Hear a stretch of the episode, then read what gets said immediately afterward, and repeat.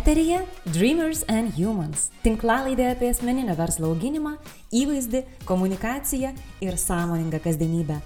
Aš Julija Brodskė, įvaizdžio ir komunikacijos konsultantė bei mokymų vedėja. Esu tam, kad įkvėpčiau dalintis geriausiu, ką turite, o prekės ženklus kurti su žemėlapiu rankoje.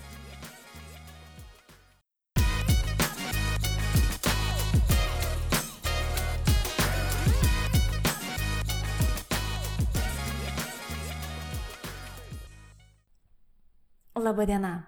Dėkoju, kad klausotės šios tinklalaidės. Prieš savaitę aš minėjau savo gimimo dieną. Ir iš tikrųjų pagavau save galvojant, kad jeigu taip visai visai nuoširdžiai, mano gyvenimas prasidėjo tik po 30. Šiandieninėme epizode noriu dalintis, kodėl taip nutiko ir kodėl būdama tik tai brandesnėme amžiuje pagaliau jaučiu gyvenimo pilnatvę ir laimę. Tačiau laida bus mažutė refleksija geriausių kadais priimtų sprendimų ir patyrimų. Galbūt ką nors jį įkvėps vienam kitam žingsniui, o jaunesniems klausytojams galimai gali būti viltis ir iliustracija, kad nebūtinai patys jauniausi ir laisviausi nurūpeščių gyvenimo metai yra geriausia. Bent jau aš taip galvojau, kai baigiau universitetą, kad 20 plus yra jėga, o po to, po to viskas eis žemyn. Pasirodė, kad tai buvo visiškai netiesa. Taigi pakalbam šiandien apie gyvenimą po 30. Žinote tą jausmą, kai nusėmė akinius arba išsėmė lešius ir pasaulis atrado tarsi kaip per celofaną. Toks neriškus, be kontūrų. Mm, jei nenešajote akinių, galbūt pamenate, kaip atrodo pasaulis rūke.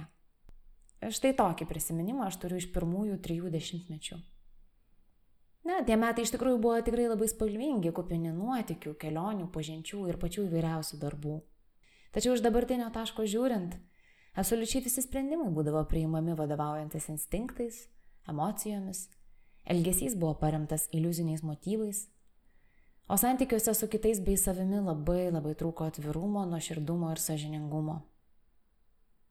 Tikrai nieko nekaltinu dėl to. Taip tiesiog gavosi. Ir nors tikros tyros laimės tose dienose buvo nedaug, priimu visą patirtį su dėkingumu. Kai kurie iš mūsų prieiname tokius taškus, kai suprantame, kad daugiau taip nebegalima, kad reikalingi pokyčiai, kad galima kažkaip kitaip gyventi, jaučiant skonį, ryškiai regint spalvas ir horizontus, neriant į praturtinančius, auginančius santykius. Ta kažkurio momentu supratau ir aš. Ir ėmiau atsakymų ieškoti visų pirma žmonėse. Stebint kitų žmonių gyvenimus ir matuojantis, ar man tai patiktų, ar man taip tiktų. Ir tos asmenybės iš tikrųjų viena po kitos ėmė verštis į gyvenimą. Verštis ir savo pavyzdžių mokyti, ką reikėtų daryti, kad būtų geriau, šviesiau, tikriau. Pamažu į gyvenimą atėjo Samoningumas. Samoningumas ir padėjo suprasti, kad man nepatinka karjera, esami santykiai ir gyvenimo būdas. O taip pat mano išvaizda bei savijauta. Vis daugiau pažindama sąmoningų žmonių, ėmiau kopijuoti tai, kas mano supratimu turėjo suveikti ir man. Kadangi sąmoningumas neįvyksta per naktį, pradėjau nuo mažų eksperimentų ir elementarių kasdienių žingsnių, kuriuos žinojau, kad įkvepiančios mane asmenybės daro ir norėjau pabandyti pati. Taigi, visų pirma susitvarkiau miego režimą. Vienas mokytojas pasakė, tu turi keltis anksti ir gultis anksti. Ir taip kasdien.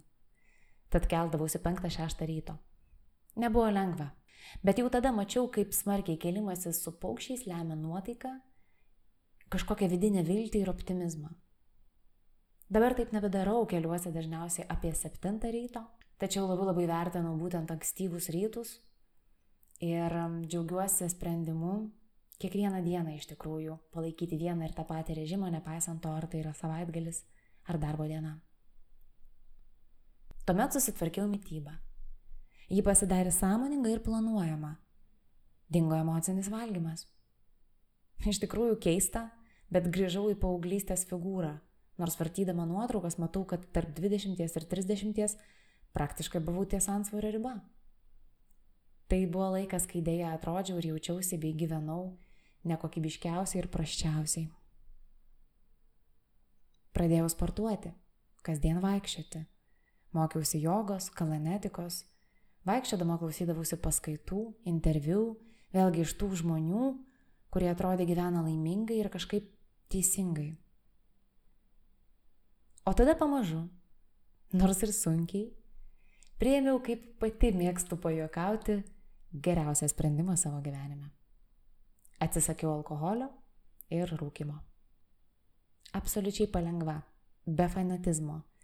Šis sprendimas po truputėlį keitė ir laisvalaikį, draugus, santykius, net mytybą. Gailiuosi tik tai to, kad nepadariau to anksčiau. Bet tai iš tikrųjų buvo gyvenimą keičiantis sprendimas. Tiesą sakant, vien jau šių žingsnių užteko tam, kad galvoje šviesėtų, iliuzijos blanktų, atsirastų toks adekvatus gyvenimo ir pasaulio vertinimas. Protas veikė aštriau, vidinės ramybės buvo vis daugiau.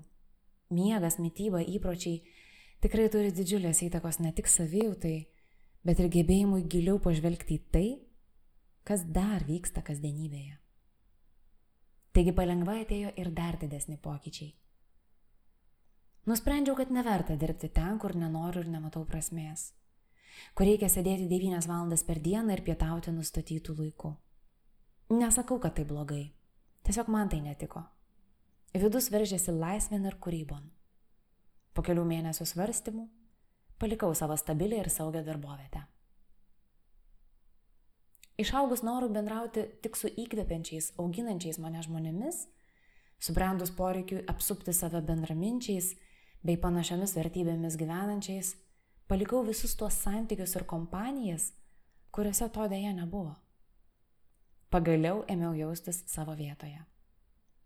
Išmokau ir iki šiol tobulėjau bendravime su savimi. Mokausi tiesiai šviesiai prisipažinti savo, kaip jaučiuosi, kas nepatinka, ką bandau galbūt giliau paslėpti. Mokausi nebėgti nuo jausmų, o juos įsivardinti, tuomet juose išbūti arba transformuoti. Emocijas fiksuoju dienoraštyje ir kas valandą skambant priminimui mobiliajame telefone. Praktikuoju dėkingumą prieš valgį, per jaunatį, dėkoju už gyvenimo gausą ir visokias kasdienės smulkmenas. Tai padeda man pastebėti, kiek daug jau turiu ir žadina džiaugsmą. Žinot, kažkada galvojau, kad sąmoningi žmonės problemų turi mažiau. Tikrai ne. Su draugė Rūta pasikalbam, kad iššūkių gyvenimas pažiūrė į valias ir dar pasirūpina tokiais sudėtingesniais kad auktume ir tobulėtume. Tad samoningumas nėra kažkoks universalus sprendimas ir lengvo, nerūpestingo gyvenimo pradžia. Žinau, kad visą likusį gyvenimą noriu būti kuo samoningesnė. Samoningumas juk padeda tapti kuriejų, o ne pasyvių gyvenimo stebėtojų. To linkiu ir visiems besiklausantiems. Aktyviai kurti ir įprasminti savo būtį. Dėkoju, kad klausėte. Kviečiu komentuoti, palikti savo išvalgas mano Facebook puslapyje Julija Brodskė, dreamersandhumans.lt arba Instagram paskyroje Julija Brodskė. Būkime sveiki, sąmoningi, dosnus ir svajokime.